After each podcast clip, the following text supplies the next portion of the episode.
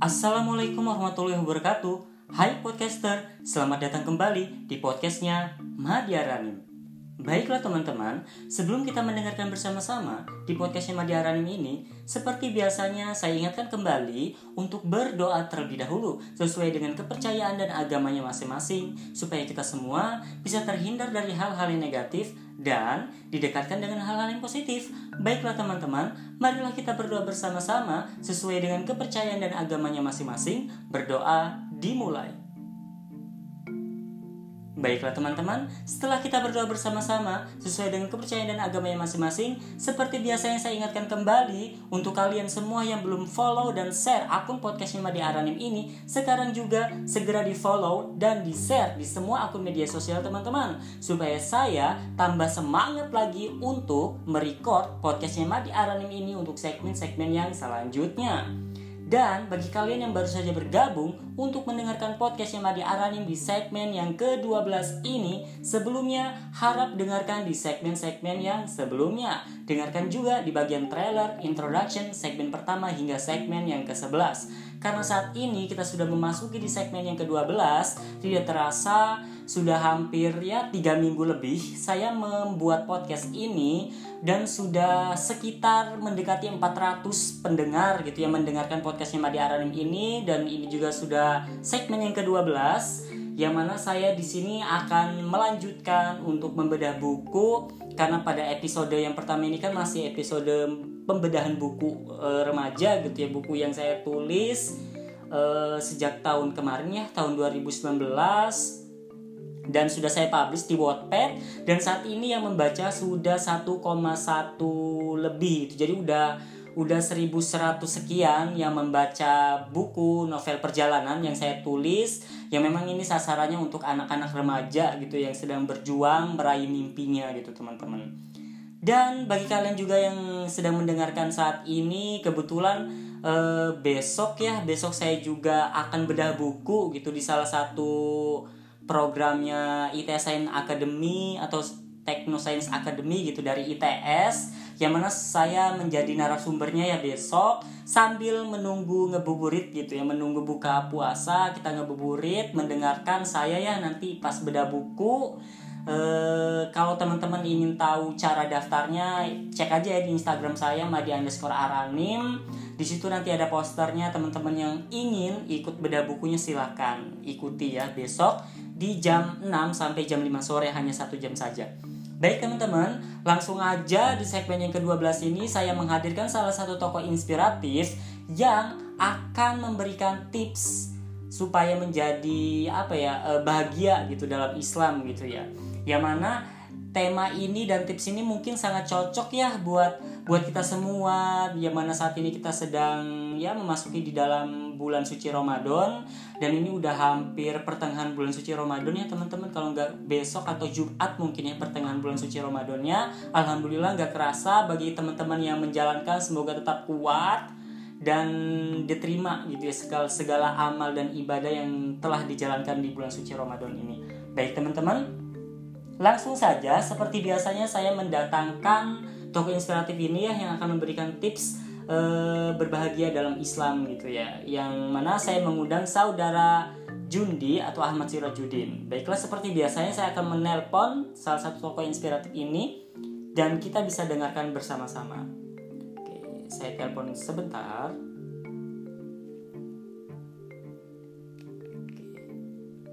Oke. Nah, ini masih berdering ya masih berdering. Halo, assalamualaikum. Jundi, ya ini Jundi ya. Oke Jun, uh, ini udah udah siap ya, sudah sudah saya buka, ya kan? Udah saya buka dan sudah saya buka juga ini podcastnya Madi Arani. Mungkin langsung aja nih ya, buat Jundi untuk memberikan tips gitu ya sesuai dengan request yang kemarin gitu. Mungkin waktunya saya persilahkan dari sekarang.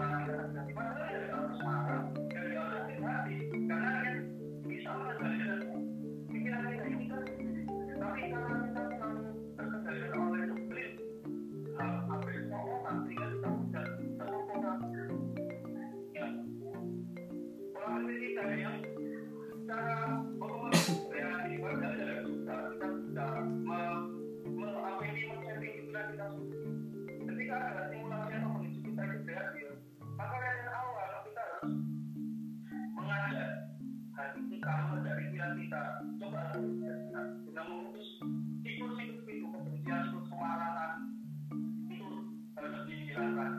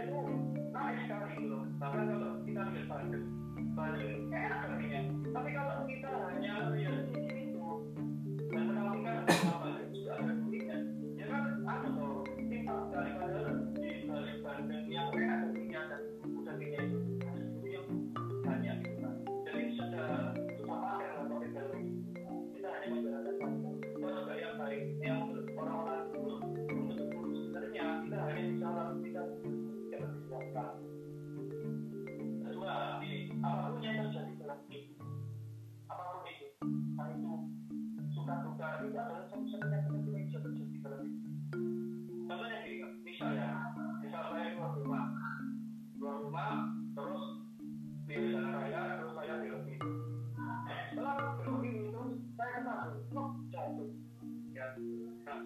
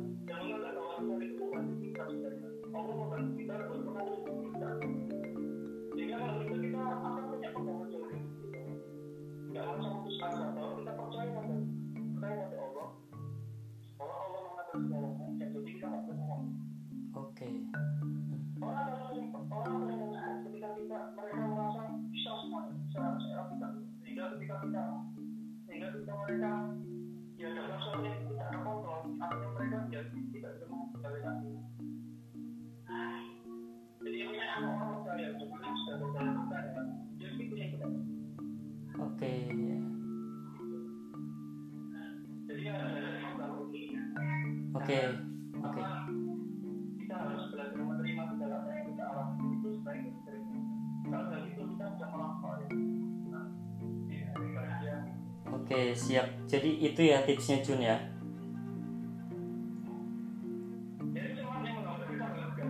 Oke, siap siap. Makasih ya. Halo.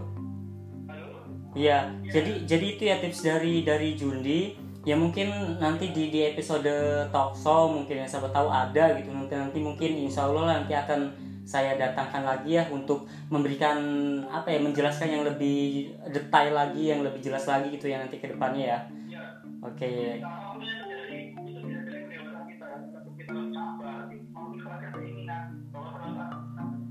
kita lakukan Oke, oke siap siap. Makasih ya Jundi ya sudah memberikan tips untuk menjadi apa ya berba- berbahagia dalam Islam. Makasih banyak. Semoga sukses selalu ya ke depannya. ya. Makasih ya. Ya, assalamualaikum. Nah, itu ya teman-teman ya tips dari saudara Jundi gitu ya teman-temannya. Dan mohon maaf ya suaranya tadi suara teleponnya agak sedikit eh, berkurang suaranya mungkin ada banyak gangguan karena mungkin posisi Jundi kan sedang di pegunungan ya di daerah Pacet gitu teman-teman mungkin tekanannya agak tinggi dan anginnya agak besar juga gitu teman-teman. Jadi mohon maaf jika suaranya eh, tidak begitu jelas atau banyak gangguan. Mungkin saya sarankan teman-teman bagi yang mendengarkan tips dan trik dari saudara Jundi yang melalui telepon ini itu bisa dengarkan melalui headset aja biar lebih jelas gitu. Seperti itu ya saran dari saya gitu teman-teman. Oke teman-teman mungkin ini langsung saya saya lanjutkan aja ya di di segmen yang ke-12 yang berjudul tragedi Senam PTN yang mana seperti biasanya saya membedah buku ini dengan membacakan ulang per paragrafnya lalu saya bedah tiap paragrafnya. Dan bagi teman-teman yang baru saja mendengarkan dan belum memiliki buku novel perjalanan yang saya tulis teman-teman bisa dapatkan secara gratis di aplikasi Wattpad. Silahkan teman-teman download aplikasinya atau tidak punya aplikasinya teman-teman bisa cari di browser di Chrome atau di Mozilla. Terserah tinggal cari aja Wattpad. Kemudian cari nama saya. Nanti teman-teman langsung masuk ke akun Wattpadnya Madi Aranim dan teman-teman langsung bisa membaca buku novel perjalanan secara gratis. Alhamdulillah teman-teman yang sudah siap yang sudah setia membaca dan setia mendengarkan podcastnya Madi Aranim ini karena buku saya di Wattpad udah 1000 lebih ya 1100 lebih yang membaca. Dan em, dan Wattpad ini alhamdulillah juga hampir 400an juga yang yang mendengarkan. Makasih ya teman-teman. Oke, next mungkin langsung saja saya langsung membacakan di segmen yang ke-12 ini yang berjudul Tragedi Senam PTN. Baik teman-teman, kita buka bersama-sama bagi teman-teman yang sudah memilikinya. Namun bagi yang belum tidak jadi masalah langsung mendengarkan saja karena ya tadi itu saya membacakan ulang ya sistemnya teman-teman. Oke, sambil saya membuka membuka buku novel perjalanan ini, kita tunggu bersama-sama teman-teman. Karena ya koneksi di, di sini juga agak sedikit lemot, jadi kita tunggu bersama-sama ya. Nah ini sudah terbuka, saya buka di bab tragedi senam PTN. Ini kelanjutan dari bab sebelumnya, jadi teman-teman yang mungkin baru mendengarkan hari ini untuk mendengarkan di tragedi senam PTN ini harap dengarkan di bab-bab sebelumnya. Oke next, saya bacakan di paragraf yang pertama. Malam itu, aku sedang asik merebahkan badanku di atas samudra kapuk. Menjadi malam yang tak terlupakan dalam perjalananku. Malam yang akan mengakhiri bulan kenangan ini. Meninggalkan sebuah jejak-jejak sekolah yang membuatku rindu dan ingin kembali lagi. Menjadi malam yang sangat ditunggu kehadirannya sejak seminggu yang lalu saat ujian pentas seni. Nah, jadi teman-teman di paragraf pertama yang baru saya bacakan ini Intinya ini menceritakan suatu kondisi seminggu setelah si Gary ini ujian pentas seni. Karena kan ujian pentas seni sudah diadakan seminggu lalu dan sudah dibahas ya di sebelumnya. Dan pada malam ini ya si Gary itu kayak rebahan gitu ya di kasurnya di samudra kapuk di kamarnya tempat dia berjuang. Ya menjadi apa ya malam yang ditunggu-tunggu. Kenapa malam itu menjadi malam yang ditunggu-tunggu? Saya bacakan lagi ya. Next, sunyinya malam itu membuatku sangat bosan di hari itu. Kemudian aku pun melihat status di Twitter dan Facebook sambil rebahan di atas samudra kapuk. Ketika melihat beberapa status teman-temanku yang mengungkapkan rasa kesedihannya karena belum tercapainya kampus impian mereka, membuatku semakin tambah takut dan cemas saat sedang asik bermedia sosial tiba-tiba si Eki menelponku. Nah jadi teman-teman ketika malam itu si Gary sedang asik gitu ya rebahan di samudra kapuk sedang santai-santai sambil bermedia sosial karena dulu masih booming-boomingnya menggunakan Facebook dan Twitter jadi si Gary itu ya buka-buka di Facebook dan Twitter gitu ya. Dulu kan belum ada WhatsApp Instagram tuh belum ada dan bahkan uh, ya buka Facebook dan Twitternya langsung ke Chrome gitu ke Mozilla gitu jadi bukan belum nggak tahu ya di HP saya dulu kan uh, pakai HP kakak tuh teman-teman itu masih jadul. Jadi belum belum ada icon aplikasi Facebook dan Twitter. Jadi cari loginnya langsung ke Google gitu teman-teman. Oke next. Dan ketika itu ketika apa ya si Jerry ini melihat-lihat Twitter, beranda di Twitter dan di Facebook itu banyak status teman-teman yang update e, banyak yang ditolak gitu ya, ditolak. Jadi malam itu selain malam pengumuman senam PTN, salah satu seleksi masuk perguruan tinggi melalui jalur undangan ya kala itu dulu. Ternyata itu banyak yang ditolak teman-temannya satu sekolah gitu ya. Nggak ada yang mendengarkan kabar yang diterima melalui jalur senam PTN kala itu. Namun tiba-tiba si Eki menelpon gitu saat si Gary itu lagi asik bermedia sosial, lagi asik Facebook dan Twitteran si Eki nelpon nah ini bunyinya Assalamualaikum Ri Salam dan sapa Eki yang saat itu aku sudah mengerti bahwa dia pasti ingin menanyakan hasil pengumuman senam PTN. Waalaikumsalam Ki. Jawab Kiri. Ri, gimana? Tanya Eki. Apanya yang gimana Ki? Tanya balik Kiri. Hasilnya lari, sepertinya Eki agak sedikit sebal Hasil apaan Ki? Tanyaku seakan-akan polos. Hasil senam PTN lari, masa hasil kehamilan? Kata Eki. Hahaha, belum lihat Ki, takut. Kata Gary. Lihat dong buruan, penasaran nih Ri. Kata Eki. Nanti ah, ada malaman setelah Isya, kata Gary. Halah, Ri, mau sekarang atau nanti juga hasil gak akan berubah Lori. Terang Eki. Dih, jika Allah menghendaki manjada wajada, kata Gary. Ya sudah, semoga hasilnya terbaik ya Ri, kata Eki. Emang kenapa Ki kok penasaran banget ya? Tanya Gary. Hmm, soalnya dapat kabar dari yang lainnya banyak yang tidak lulus. Makanya aneh tanya ke Enteri. Terang Eki. Termasuk yang daftar ke kampus Bandung kah? Tanya Gary. Iya, mereka tidak lulus semua, Ri. Jawab Eki. Masa sih, Ki? Tanya Gary. Iya, Ri. Jawab Eki. Ente bagaimana, Ki? Tanya Gary. Aneh juga gak lulus. Anak IPA 2 gak ada yang lulus, Ri. Kata Eki. Masa sih kok bisa? Yang ambil di Yogyakarta gimana? Tanya Gary.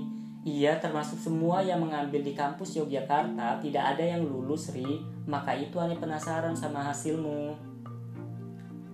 Kata Eki. Nana, Nindi, dan Ica juga berarti tidak lulus ya, Ri? Yaki, tanya Gary. Iya lari, kan mereka bertiga ambil di Yogyakarta. Kok bisa ya Ki? Tanya, tanya Gary. Aneh gak tahu Ri, cepetan ah ente lihat penasaran aku kata Eki ntar aneh kabarin habis sisa ya ntar aneh SMS hasilnya kata Gary oke ditunggu ya Ri semoga hasilnya yang terbaik. Assalamualaikum. Kata Eki. Amin ya Allah. Waalaikumsalam kata Gary. Nah itu ya teman-teman. Jadi ada percakapan Telepon antara si Eki sama si Gary Yang ya menanyakan sekitar uh, Pengumuman senam PTN gitu hasilnya karena saya itu penasaran karena belum dapat jawaban dari si Gary salah satu temannya. Padahal teman-teman yang lain itu sudah tahu gitu si Eki. Karena si Eki kan super kepo gitu orang jadi udah tahu yang lain nggak ada yang diterima gitu ya. Tapi si Gary ini belum ada kabar gitu. Maka itu saya itu penasaran kala itu sehingga nelpon lah gitu ya terjadi percakapan namun si Gary nggak mau ngasih informasinya karena memang si Gary juga belum lihat karena takut belum sholat belum sholat isya jadi lihatnya sekalian aja lah sholat isya doa dulu siapa tahu ya diberikan keajaiban gitu setelah si Gary ini berdoa dan sholat gitu ya nah ini hasilnya ya saya bacakan lagi hari itu menjadi hari pengumuman senam PTN. yang tidak bisa aku lupakan sampai saat ini. Sebenarnya sudah diumumkan dari pukul 5 sore. Namun, sampai menjelang Isa, aku belum sanggup untuk melihat hasilku. Setelah mendapat kabar dari Eki melalui telepon pada malam itu, perasaan takut dan cemas dalam diriku semakin menjadi-jadi. Rasa sedih yang bercampur aduk membuat beban pikiran dan hati nuraniku bertanya-tanya, kok bisa ya? Kok bisa ya? Nah, itu paragraf yang ke ketiga ya dari dari setelah percakapan. Jadi memang intinya ya malam itu itu adalah malam pengumuman senam PTS sebenarnya diumuminya itu sejak jam 5 sore cuman sampai menjelang Isa si Gary ini belum sanggup untuk melihatnya karena takut karena mendengar kabar dari teman-temannya banyak yang ditolak. Apalagi si Eki mengabarkan kebanyakan kelas IPA 2 kan satu kelas tuh itu banyak yang ditolak juga di jalur senam PTN sehingga si Gary itu semakin takut dan terbebani dan terpikir dan gak berani untuk membuka senam PTN gitu. Karena ya mungkin ya karena memang terlalu berharap itu sebab sebelumnya agar bisa diterima di senam PTN oke okay, next. Maaf batuk. Tidak habis pikir tahun ini akan menjadi pemutus rantai bersejarah di sekolahku. Tahun yang menjadi sebuah ujian bagi angkatanku bisa jadi menjadi tahun percobaan atau kebetulan itu terjadi. Tahun ini mungkin akan menjadi tragedi senam PTN yang tidak akan bisa dilupakan oleh madrasah. Setelah tahun kemarin banyak yang lulus di kampus ternama bahkan dengan beasiswa. Nah jadi teman-teman, maaf batuk. Jadi teman-teman memang si Gary mungkin bersama teman-temannya sangat berharap di jalur senam PTN ini bisa diterima karena tahun sebelumnya itu banyak banget gitu yang diterima di jalur senam PTN gitu teman-teman ternyata banyak yang gak yang yang gak diterima gitu. Karena ada suatu kebijakan pemerintah kalau nggak salah ya teman-teman. Kalau nggak salah itu yang madrasah gitu ya yang yang sekelas madrasah itu kuotanya dikurangin gitu. Jadi bukan hanya madrasah di sekolahku aja jadi semua madrasah di Indonesia bahkan madrasah-madrasah yang terbaik seperti yang di Yogyakarta, di Malang, di Serpong yang terbaik lah di Indonesia itu ternyata banyak yang gak diterima di jalur itu gitu teman-teman padahal mereka pinter-pinter gitu loh nilainya bagus-bagus juga oke okay, next setelah menerima telepon dari si Eki, aku pun langsung mematikan HP agar tidak ada yang mengabarkanku lagi. Malam itu seakan-akan hati nuraniku dan pikiranku menjadi kosong dan sunyi. Aku merasakan kekecewaan yang mendalam pada diriku sendiri. Kecewa juga pada si Eki karena telah menelponku dan mengabarkan kalau yang lainnya tidak ada yang lulus sehingga membuatku tambah takut dan cemas pada hasilku nanti.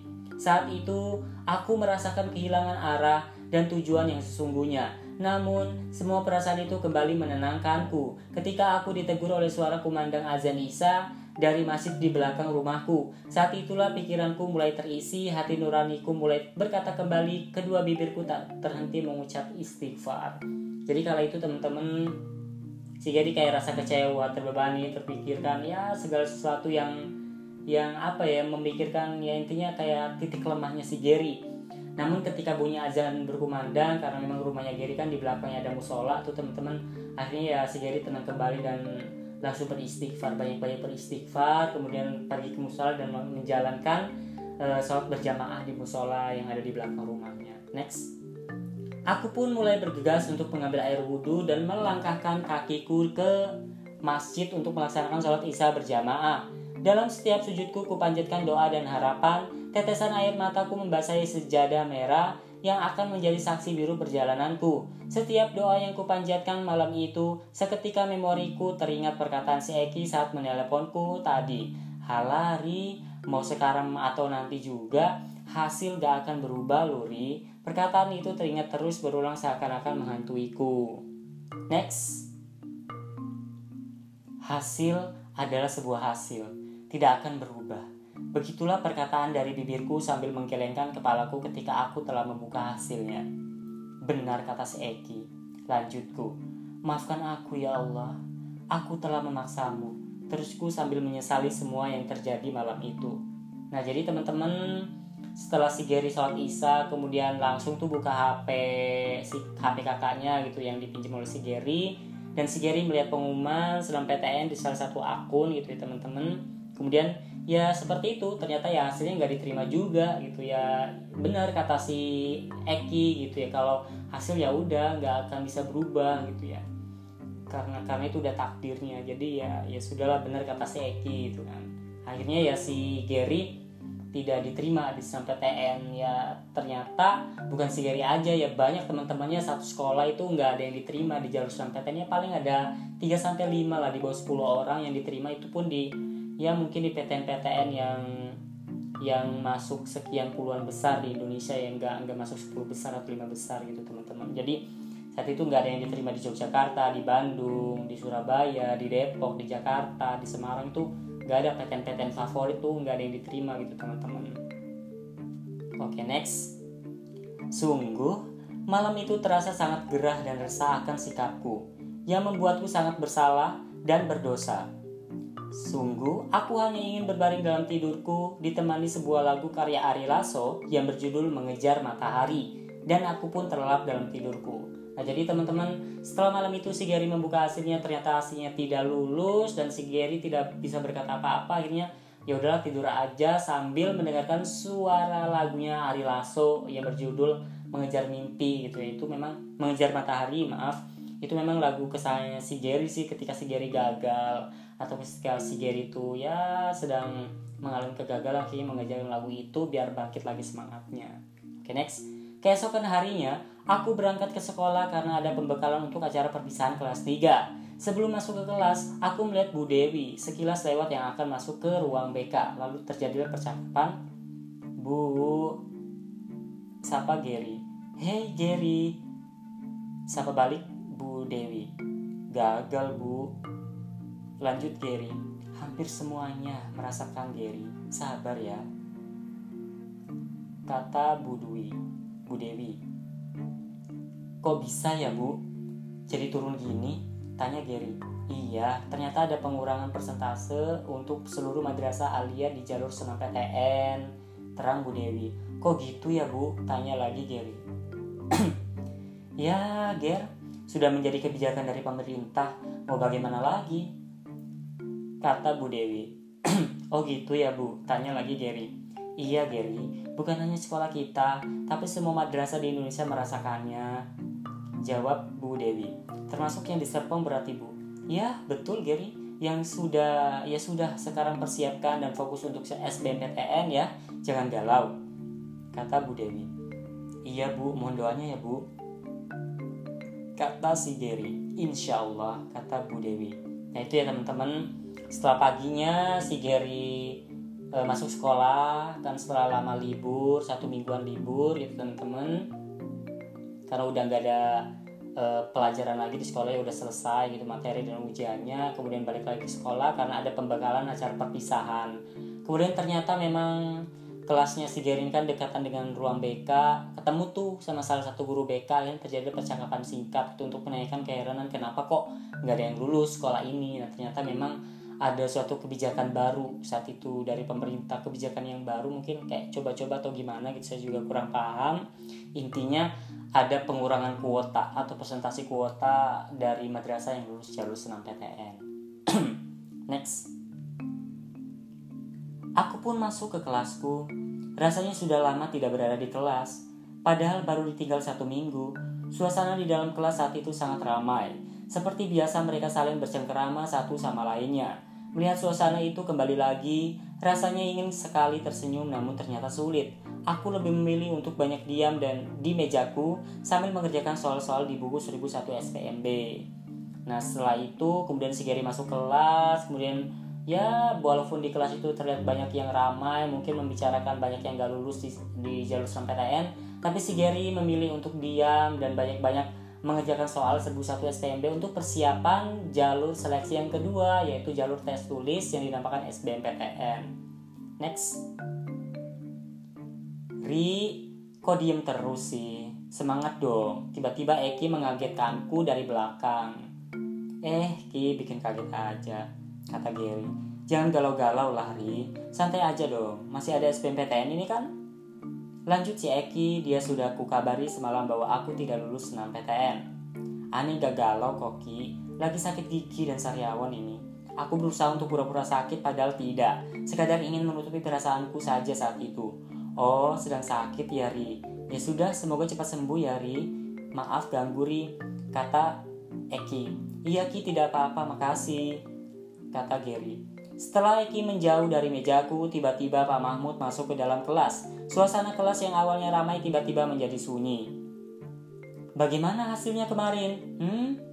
Pak Mahmud sambil tersenyum dan berjalan pelan masuk ke dalam kelas. Sedangkan kami yang ada di dalam kelas hanya terdiam dan tertawa kecil, sebagian yang lainnya Suasana kelas saat itu benar-benar sunyi. Betul kan, kata Bapak juga, jangan terlalu berharap di senam PTN. Itu hanya bonus jika kalian lulus. Kalau tidak lulus ya Alhamdulillah, lanjut Pak Mahmud. Sekarang, kalian buktikan di SBMPTN bahwa kalian akan banyak yang lulus. Tapi siapkan dengan serius dan fokus. Udah, lupakan saja senam PTN yang berlalu biarlah berlalu. Jelas Pak Mahmud. Kalian hanya butuh belajar. Seru Pak Mahmud seakan-akan dengan nada yang menekankan sangat tegas. Bisa dimengerti ya? Tanya Pak Mahmud. Bisa Pak. Kami menjawabnya bersamaan di dalam kelas. Ya sudah, segera ke aula. Sudah ditungguin.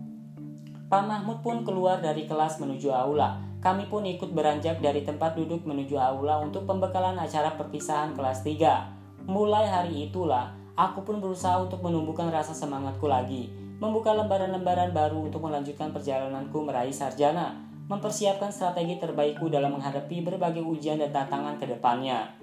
Kejadian itu akan menjadi bekal untukku kelak dalam setiap perjalananku menempuh sebuah impian. Pembekalan dan pembelajaran dari sebuah kegagalan pada hari itu akan menjadi sejarah dan tragedi yang tidak bisa kulupakan sampai detik ini. Nah, jadi teman-teman, ini sudah ya berakhir di paragraf terakhir intinya pelajaran pada segmen tragedi senam PTN mungkin yang teman-teman tunggu tragedi apa yang terjadi di senam PTN gitu yang sudah mendengarkan bagian sebelumnya ya ini jadi memang ketika itu karena ini ter, kisahnya terinspirasi dari uh, kisah saya dulu di sekolah emang benar. Saya dulu ketika pengumuman senam PTN mungkin kalau saya sih memang nggak terlalu berharap di PTN sih teman-teman. Berharapnya memang di, di SBMPTN sudah saya siapkan udah jauh-jauh hari. Dari kelas 2 mungkin teman-teman teman-temannya saya persiapkan untuk mengerjakan soal-soal SBMPTN gitu teman-teman. Di PTN ya benar hanya bonus kata Pak Mahmud. Tapi mungkin sebagian besar banyak yang berharap di PTN karena memang kakak tingkat kami tahun yang lalu lah tahun sebelumnya itu banyak banget yang diterima sekitar 60% atau 70% gitu ya yang diterima di jalur PTN di perguruan-perguruan ternama di Depok, Yogyakarta, Bandung, Surabaya, Surabaya, Semarang itu banyak yang diterima di situ apalagi di Jogja. Jadi seakan-akan kami tuh kayak berharap gitu loh bisa diterima di jalur PTN tapi ternyata ada kebijakan baru yang tak diduga-duga oleh kita semua kalau dari kebijakan pemerintah kalau ya sekelas madrasah itu presentasi kuotanya itu diturunin untuk diterima di jalur PTN entah tahu kenapa itu kebijakan seperti itu mungkin ke, kebijakan percobaan atau apa tapi ya sudahlah itu kebijakan dari pemerintah kita tidak bisa ngapa-ngapain. Hasil ya sudahlah hasil gitu kata si Eki kan nggak bisa dirubah lagi itu udah namanya takdir kecuali memang Allah menghendaki untuk yang terbaik buat kita. Tapi dari situ ya si Gary tetap uh, tetap belajar semangat untuk belajar lebih apa ya lebih giat lagi gitu ya yang mengerjakan soal-soal SBMPTN itu teman-teman. Jadi hikmahnya buat kita semua jangan terlalu berharap tinggi pada suatu apa pun itu. Ya kita bolehlah mempunyai mimpi-mimpi yang tinggi setinggi langit atau setinggi tingginya itu boleh tapi jangan terlalu berharap kalau kita itu bisa meraihnya gitu teman-teman. Jangan terlalu berharap. Tapi kalau kita mempunyai mimpi setinggi tingginya itu tidak apa-apa tidak jadi masalah. Tapi kalau berharap untuk mencapainya itu jangan sampai. Yang penting adalah kita berproses yang baik. Yang penting kita adalah sudah bekerja keras dengan baik untuk meraih mimpi kita yang paling tinggi itu toh jatuhnya pun atau gagalnya pun gak bakal jauh-jauh dari itu. Walaupun kita misalnya e, mimpinya bisa uh, setinggi langit atau bulan jatuhnya ternyata di awan itu kan nggak nggak jadi masalah yang penting kita sudah berusaha dan insya Allah hasilnya akan yang terbaik gitu ya teman-teman jadi mungkin ini hikmah dari segmen yang ke-12 dan Terima kasih buat teman-teman yang sudah mendengarkan di segmen yang ke-12 ini. Sampai ketemu lagi di segmen yang ke-13 yang berjudul perpisahan. Nah, kan kita penasaran kan acara perpisahan di sekolah, di sekolahnya si Jerry dan teman-temannya itu seperti apa? Oke teman-teman, kita bertemu kembali ya di segmen yang ke-13 yang berjudul perpisahan. Kurang lebihnya saya mohon maaf. Dan eh, tetap jaga kesehatan tetap di rumah aja. Karena masih ada corona teman-teman jangan mudik dulu santai dulu aja di rumah. Tetap beraktivitas sekecil apa pun itu yang penting bermanfaat. Dan jangan lupa sambil mendengarkan podcastnya Madi Aranim. Baiklah teman-teman terima kasih sudah mendengarkan. Kurang lebihnya saya mohon maaf dan sampai ketemu kembali di segmen yang ke-11 wassalamualaikum warahmatullahi wabarakatuh. Mohon maaf bertemu kembali di segmen yang ke-13 terima kasih. Wassalamualaikum warahmatullahi wabarakatuh